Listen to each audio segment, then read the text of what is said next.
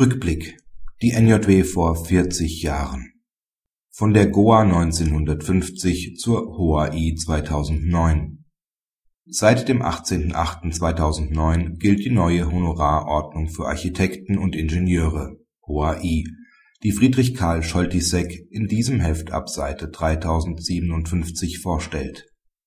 Der Autor prognostiziert aufgrund neuer Überlegungen im Bundesrat und unter Berücksichtigung europarechtlicher Einflüsse weitere Änderungen in der Struktur und in den Bestimmungen der HOAI in der kommenden Legislaturperiode.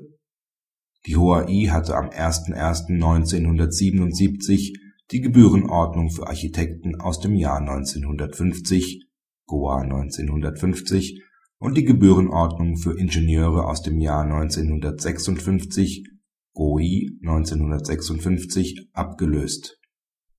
In der NJW von vor 40 Jahren BGH NJW 1969, Seite 1855 war der Rechtsstreit um das Architektenhonorar daher nach der Goa zu lösen.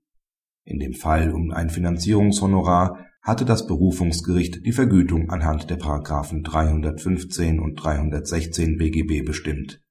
Der BGH stellte klar, dass diese Vorschriften erst dann zum Zuge kommen, wenn eine übliche Vergütung im Sinne des § 632 Absatz 2 BGB oder des § 653 Absatz 2 BGB nicht besteht.